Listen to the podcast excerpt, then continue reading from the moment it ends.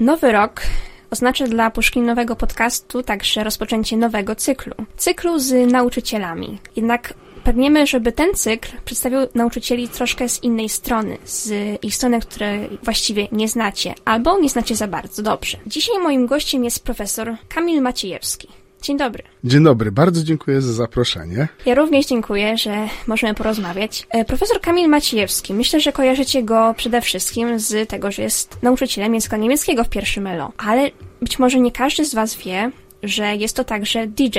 DJ, którego mogliście poznać w trakcie balu kościuszkowskiego, ale nie tylko. Jest to osoba, która także DJ w Niemczech i można powiedzieć, że robi to całkiem dobrze, żeby nie powiedzieć z pełną profeską. Panie profesorze, chciałabym zacząć rozmowę od tego, żeby przedstawić, jak zaczęła się właściwie Pana przygoda, co skłoniło Pana do tego, żeby zostać DJ-em? To jest y, całkiem długa historia, ponieważ zacznijmy od tego, że muzyka towarzyszyła mi e, już od lat dziecięcych. Najpierw e, zaraził mnie e, mój tata pasją do muzyki, muzyka rockowa, Pink Floyd, Led Zeppelin, Budka Suflera. To wszystko było u mnie w domu, czy Czesław Niemen, czy polski Big Beat. Następnie miałem etap, kiedy y, namiętnie słuchałem list przebojów, robiłem notatki, statystyki. Taka osoba jak Marek Niedźwiecki, myślę, że jeszcze wielu uczniom, mam nadzieję, że jeszcze y, pamiętają, może, może znają, może już, już nie znają. W każdym razie to, że, że słuchałem wielu list przebojów, też otworzyło mnie na różne spektrum muzyczne i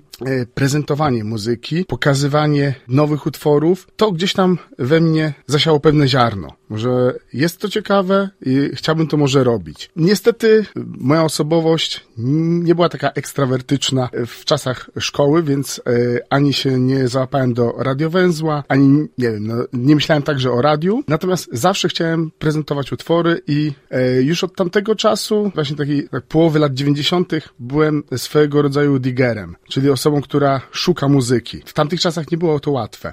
Radio wiadomo, co, co, co prezentowało muzykę popularną.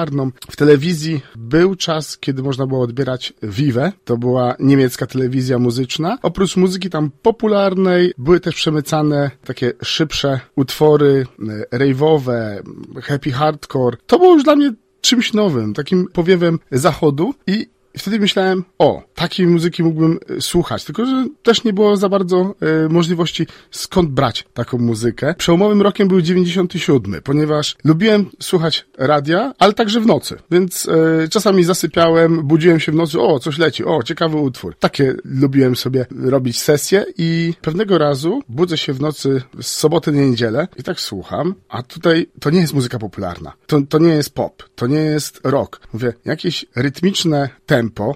Nie jest to też e, happy hardcore czy, czy, czy rave. Jest to o wiele wolniejsze, taki w spektrum 125 BPM-ów. Mówię, nie znam tego. Mówię, ale jest to intrygujące. Jest to minimalistyczne, rytm króluje i y, melodie są zapętlone. Mówię, ciekawe, co to jest? Wtedy odkryłem muzykę house. Audycja, która y, później towarzyszyła mi przez y, dwa lata, dopóki nie zdjęli jej z anteny, to było techniką mechanizacji muzyki w radiu RMF Rave FM, tak się ci redaktorzy nazywali i była z soboty na niedzielę, na pewno od 90, 97 roku już była do 99. Później co tydzień słuchałem nowych rzeczy, e, pojawiały się tam też recenzje nowych płyt. Odkryłem w ten sposób e, różne gatunki muzyczne, na przykład drum and bass, który cały czas mi teraz e, towarzyszy. Oprócz tego w 97 roku dostałem pierwszą gazetkę Groove. Była niemiecka gazeta o muzyce elektronicznej i zaczął wychodzić polski magazyn Plastik. Czasopismo o muzyce elektronicznej, też skupiającej się wokół techno i mogłem poczytać o historii. I to, to już mnie bardzo fascynowało, że jest muzyka, której y, nie można dostać, bo w sklepach nie można było raczej, no w Gorzowie na pewno nie można było dostać takiej muzyki. Internetu nie było jeszcze wtedy, przynajmniej nie był na tyle wszechobecny w 97 roku, więc muzykę tylko można było w moim przypadku z radia czerpać, ewentualnie wyczytywać o niej w tych y, gazetach. Na, na Vivie pojawiła się też taki, taki program był w piątki Hausfrau, właśnie opowiadający o kulturze DJ-skiej, o kulturze muzyki elektronicznej, house, techno, wywiady z różnymi artystami, różne relacje z imprez, z klubów i to był taki impuls. No impuls, wow, chciałbym kiedyś być częścią tego. I od tamtej pory y, próbowałem kolekcjonować y, różną muzykę. Nagrywałem na kasety różne audycje, czy na, na kasety VHS te audycje z, z Vivy. Przesłuchiwałem, zapisywałem, które płyty bym chciał kiedyś kupić. I później nadeszła era internetu i można było wreszcie posłuchać. Zawsze mnie kręciło to, żeby prezentować nowe utwory. Jedynym chyba problemem był brak sprzętu, na którym można grać, no i oczywiście płyt. W tamtych czasach tak naprawdę albo można było kupić winyle i gramofon, gramofony, albo odtwarzacze CD. Firma Pionier, myślę, że tak jak teraz, była najlepszą firmą. Natomiast długo mi zajęło, żeby zebrać jakąś kwotę, żeby kupić sprzęt. W międzyczasie pojawiła się jeszcze fascynacja hip-hopem. Razem ze znajomymi widzieliśmy, jak rozpoczyna się ta kultura w Polsce od pierwszych nagrań połowy lat 90. Też w międzyczasie stwierdziłem, że może mógłbym być na przykład MC. Ale znowu moja osobowość mało ekstrawertyczna pokazała mi, nie, ty możesz się bardziej w czymś innym znaleźć. Na przykład mógłbyś grać muzykę. I to tak kiełkowało powoli. W międzyczasie jeszcze była możliwość kilkoma znajomymi e, w nowo otwartym lokalu Zielony Abażur pod koniec lat 90. móc zagrać muzykę. Był to taki pomysł e, ówczesnego menadżera, że zrobimy e, muzykę jak w Berlinie. Zgromadził pięć osób, które słuchało różnej elektronicznej muzyki i taki wielki miszmasz robiliśmy raz w miesiącu. Impreza się nazywała Dark Side of the, of the Orange. Jakościowo myślę, że to było bardzo różne. Każdy z nas coś innego grał.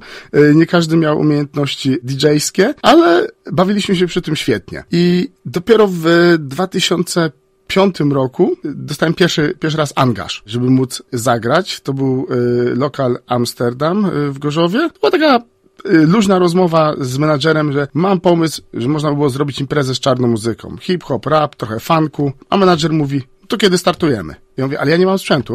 No to coś się ogarnie. I faktycznie zaczęliśmy pierwsze dwie imprezy no to to było bardzo mało osób, ale już przy, przy trzeciej imprezie już było ponad 100 osób. Się okazało, że y, lokal się stał bardzo popularny i ta impreza również, impreza nazywała się Shake Your Ass, no chyba, że wypikacie tam. W każdym razie y, przez dobry rok czy, czy, czy dwa, no raz na miesiąc albo y, trochę rzadziej, bo później miałem też inne zobowiązania, przychodziłem grać, miałem możliwość grać co tydzień, ale stwierdziłem, że muszę się zająć też innymi rzeczami, studia, no i później jeszcze szkoła, praca zawodowa? Początki na pewno nie były też łatwe. Pewnie jakieś wyzwania, taka działalność DJ-owska pewnie nasunęła panu i nie zawsze pewnie wszystko było takie proste do ogarnięcia. Jak pan wspomina tak naprawdę te początki? Co było największym dla pana wyzwaniem, żeby odnaleźć się w tej branży? Pan mówił o tym, że jest pan osobą, która e, wcześniej niekoniecznie objawiała się takim ekstrawertycznym e, charakterem, co jako pewnie uczniowie na co dzień nie możemy dostrzec, widząc jak pan ma ogromną energię i, i uśmiech na co dzień, więc nie jest to coś, co e, możemy na co dzień zauważyć. E, aczkolwiek ciekawi mnie właściwie, co takiego było dla pana największym wyzwaniem, ale jednocześnie pomogło wprowadzić się w tą, w tą branżę? Myślę, że, że wiele wyzwań było. Na początku, kiedy kupiłem pierwszy sprzęt, to był, to był e, Denon S3500, to były odtwarzacze płyt CD. I grając utwory, które mają y, 3 minuty, znaleźć inną płytę CD, wyszukać utwór, który chodził mi po głowie, który będzie pasował y, i jeszcze go zgrać jakkolwiek, póki tamten się nie skończy, to było duże wyzwanie w tamtych czasach. Obecnie y, nie stanowi to problemu, bo technologia poszła tak do przodu i mamy takie programy, że, że nawet laik mógłby y, rozpocząć przygodę z DJ-owaniem i bardzo dobrze sobie radzić. Natomiast wtedy y, na pewno szybkie znajdowanie utworów, zgranie ich, to było wyzwaniem. Poza tym, wiadomo, im mniej się ma doświadczenia, tym też nie wiadomo jak reagować. Ja jestem DJ-em klubowym, więc na parkiet przychodzą ludzie, kiedy im się podoba muzyka, ale nagle wychodzą z jakiegoś powodu i nie wiadomo, czy to jest twój błąd, że zagrałeś jakiś taki utwór, czy po prostu zmęczyli się i wychodzą. Więc to też przewartościowanie. Czy cały czas uda się utrzymać ludzi na parkiecie, czy będzie taka fluktuacja. Jedni przychodzą, inni wychodzą. Czy ja się tym będę przejmował? I jak sprawić, żeby ludzie jeszcze więcej energii włożyli w taniec. Także to było, myślę, e, dużym wyzwaniem na początek. Z czasem to przychodzi o wiele łatwiej. No właśnie, z czasem to przychodziło o wiele łatwiej. Pewnie doświadczenie pomogło. Ale co tak naprawdę, jakie umiejętności pomogły panu, żeby jednak zachęcić ludzi do tego, żeby pozostawali? To jest kwestia bardziej znajomości, dopasowania utworów, czy może zaangażowanie się w inne kwestie? Ja zawsze sobie tłumaczę, że, że jest to właśnie to, co powiedziałem na początku, że e, chęć prezentacji nowych utworów, połączeń, między nimi jakichś takich niekonwencjonalnych, nieoczywistych, połączenia utworu takiego z takim, który ma jakiś wspólny trzon, albo e, tonację chociażby. No, tonacja to jest, to jest bardzo ważna sprawa. Ja uwielbiam e, miksować tonacyjnie, żeby utwory jeden po drugim nie było zgrzytu dla słuchacza, tylko łagodnie przechodziły, a nawet wręcz tak płynnie, że, że można się nie zorientować. Więc to było na pewno istotne. Technika to jest jedno. A, właśnie, bo to pan rozwinął techniczną kwestię. Tak, tak, tak, tak. Technika to jest, to jest jedno, czym trzeba pracować, ale jeżeli chodzi o inne cechy. Ja myślę, że to, ja mówiłem wcześniej, że nie jestem osobą ekstrawertyczną, nie? Tak. Ale prezentowanie muzyki, mm, miksowanie jej sprawia mi na tyle radość, że czuję się bardzo komfortowo. Nie dość, że jestem sobą, to jeszcze potrafię to swoją ekspresją pokazać. I też ten kontakt DJ, publiczność jest bardzo ważna. Są, są DJ-e, którzy są tak skupieni na swojej pracy, niczym, nie wiem, y, laboranci w jakimś laboratorium. Wtedy tylko muzyka może przemawiać, ale nie ma takiej energii. A jeżeli jeżeli DJ sam się dobrze bawi, inni też się dobrze bawią, to, to widać chemię. Nie? Czuć chemię i, i wtedy to jest, to jest istotne, nie? Także... Ten przepływ energii był Przepływ pomiędzy... energii musi być, tak, tak, tak, tak, tak. Myślę, że, że na balu było to widać. Oczywiście.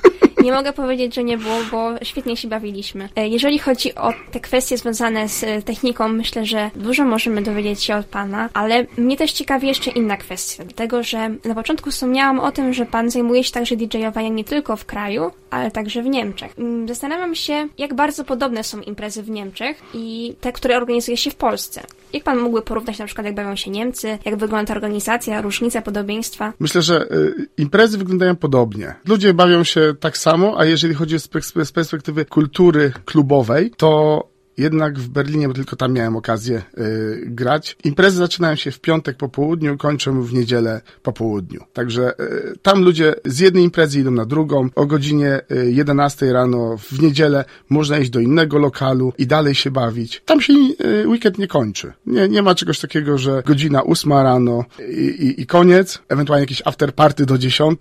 Nie, tam po prostu zmienia się ekipa, wchodzą y, nowi DJ-e, ludzie przychodzą z jednego lokalu do drugiego, i i dalej, do, do, do wieczora no, albo do popołudnia w niedzielę. Także miałem kiedyś okazję grać e, o, o 14 w niedzielę. Czyli czas trwania na pewno jest inny? Zupełnie, zupełnie. Tak. A ludzie bawią się tak samo dobrze, też żywiołowo reagują. Myślę, że, że są otwarci. Są otwarci Niemcy, ale tak samo i w, i w Polsce. Ktoś podejdzie, powie dobre słowo, poklepie po ramieniu, powie, że było świetnie, czy, czy po prostu e, będzie dawał swoją ekspresję, jak dobrze się bawi. Jesteśmy pewnie w Europie, to pewnie jest to, nie jest takie bardzo e, zauważalne, podejrzewam. Być może gdybyśmy pojechali do innego państwa, tam może zupełnie byśmy zaobserwowali coś innego. Może kiedyś panu się uda, planował pan kiedyś w innym państwie, jak wygląda na przykład DJ-owanie? Kiedyś tak. Teraz, yy, teraz muszę przyznać, że jestem, zrobiłem rok przerwy, ponieważ pojawiła się w moim domu nowa fanka, mam nadzieję też mojej muzyki. I dla, dla mojej córeczki przeznaczam jak najwięcej czasu wolnego,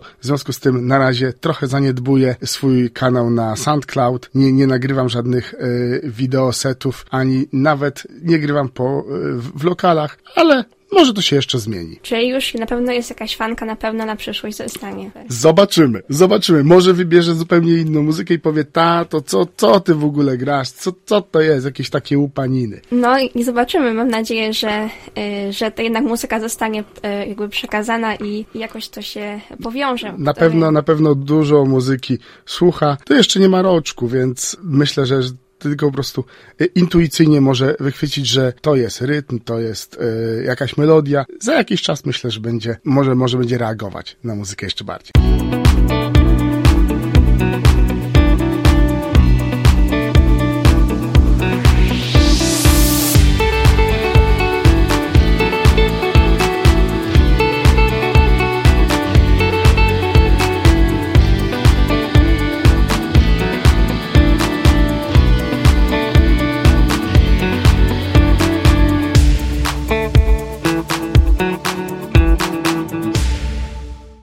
Pana działalności pewnie dużo przygód y, związanych z jakimiś niespodziewanymi sytuacjami mogły się zdarzyć, tak domyślam się. Jakby Pan miał w głowie taką niespodziewaną sytuację, która zapadła w Panu pamięć, to jaka to by była? Myślę, że o takiej jednej mógłbym powiedzieć. Na pewno było więcej. E, niektóre były przyjemne, niektóre były mniej e, pozytywne. To, się po prostu zdarza. W 2018 stwierdziłem, że wracam do, do korzeni, już nie tylko imprezy, uczestniczyłem w imprezach hip-hopowych, ale wróciłem właśnie do korzeni, czyli od techno, kiedy zaczynałem, zmieniłem swoją ksywę, może tak, Mister Magister czy MGR 808 przeznaczoną dla hip-hopu zostawiłem y, na jakiś czas i przeszedłem do nowego otwarcia jako Landsberger, osoba pochodząca z Gorzowa, bo chciałem tutaj promować y, muzykę techno i w 2018 roku miałem możliwość zagrania w klubie Magnetofon. Wtedy właśnie okazało się, że to, co najlepiej mi wychodzi, to są closingi, czyli set zamykający. Najlepiej właśnie, żeby to było o godzinie piątej, czwartej. Wtedy można grać bardzo energetycznie, bo ludzie chcą się wybawić już do samego końca. I ja miałem grać y, od czwartej do piątej. Okazało się, że przed godziną piątą przyszedł y, właściciel, który miał grać po mnie i mówi, tak świetnie utrzymujesz ludzi na parkiecie, jest taka bomba, że y, ja nie będę wchodził w ogóle grasz do końca, do której będą ludzie grasz. I do siódmej grałem jeszcze. Także yy, to bardzo miłe było. Pierwszy raz yy, rozpocząć z nową muzyką, którą się zawsze chciało grać i jeszcze coś takiego, że można zagrać o wiele dłużej. Nie godzinę, a trzy godziny i ludzie do końca się bawili. Później rano na, na, na placu przy, przed lokalem jeszcze rozmawialiśmy o muzyce. Dużo ciepłych słów dostałem, że nie było ta, takiej energicznej osoby już dawno. Dlaczego nic o mnie nie wiedzą? No i wtedy jeszcze bardziej uwierzyłem w siebie, że te lata praktyki doświadczenia e, nie pójdą na marne. Mogę wreszcie zrobić to, co zawsze planowałem, czyli uskuteczniać techno. Super słyszeć, że doświadczył Pan taką sytuację. Na pewno to nie tylko motywuje do dalszego działania, ale także uświadamia, że jednak jesteśmy w dobrym miejscu, robimy to, co właściwie powinniśmy, bo nie tylko my mamy z tego satysfakcję, ale też inni są usatysfakcjonowani z tego, co robimy. Zgadza się. Więc to jest coś, co myślę, że życzymy każdemu, kto, e, kto będzie cokolwiek robił, żeby robił coś z pasją, z zaangażowaniem i żeby inni też mogli z tego się cieszyć. Tego życzę wszystkim, którzy mają pasję i takie hobby. Bez wątpienia na co dzień możemy zaobserwować, że jest Pan osobą niezwykle pozytywną. Trochę odchodząc od tematu, chciałabym dowiedzieć się, skąd czerpie Pan taką pozytywną energię? Czy można tutaj połączyć to jakoś z DJ-owaniem? Czy jest coś innego, co Pana motywuje? Myślę, że bez wątpienia można powiedzieć, że jest Pan w całej społeczności szkolnej najbardziej pozytywną osobą. Co Pan takiego robi? Skąd czerpie Pan energię? Myślę, że jest wiele osób bardzo pozytywnych. Z czego czerpię e e energię? Nie wiem, ona po prostu jest. Ona po prostu jest we mnie. Wstaję rano i, i mówię sobie, dzisiaj będzie dobry dzień. Może to brzmi trochę banalnie, jakieś takie coachowanie, aczkolwiek na przestrzeni lat nauczyłem się cieszyć z małych rzeczy, z małych sukcesów. Wydaje mi się, że jeżeli daje się komuś energię, uśmiech, uśmiech to taka moja chyba dewiza, to ten ktoś może odzajemnić. Może też się poczuje dobrze. Jakieś endorfiny będą przepływać. Za dużo spotkałem, myślę, w życiu albo spotykam e, osób, które są permanentnie smutne albo zdenerwowane na coś. Też myślę, że realia są e, dość przygniatające często i jeżeli można znaleźć e, jakiś plus, jakieś małe, drobne, pozytywne aspekty, to trzeba to wykorzystywać. Ja myślę, że nawet jeżeli miałbym zły humor, to i tak staram się pokazać siebie z tej, z tej dobrej strony. Może ktoś odzajemni uśmiech. Takiego odzajemnienia uśmiechu i tego, żeby szukać właściwie tych małych, ale bardzo napawających pozytywizmem elementów życia, życzymy Wam, drodzy słuchacze. Dziękuję za rozmowę. Mam nadzieję, że zostaniecie z nami. Dziękuję Wam bardzo. Pozdrawiam.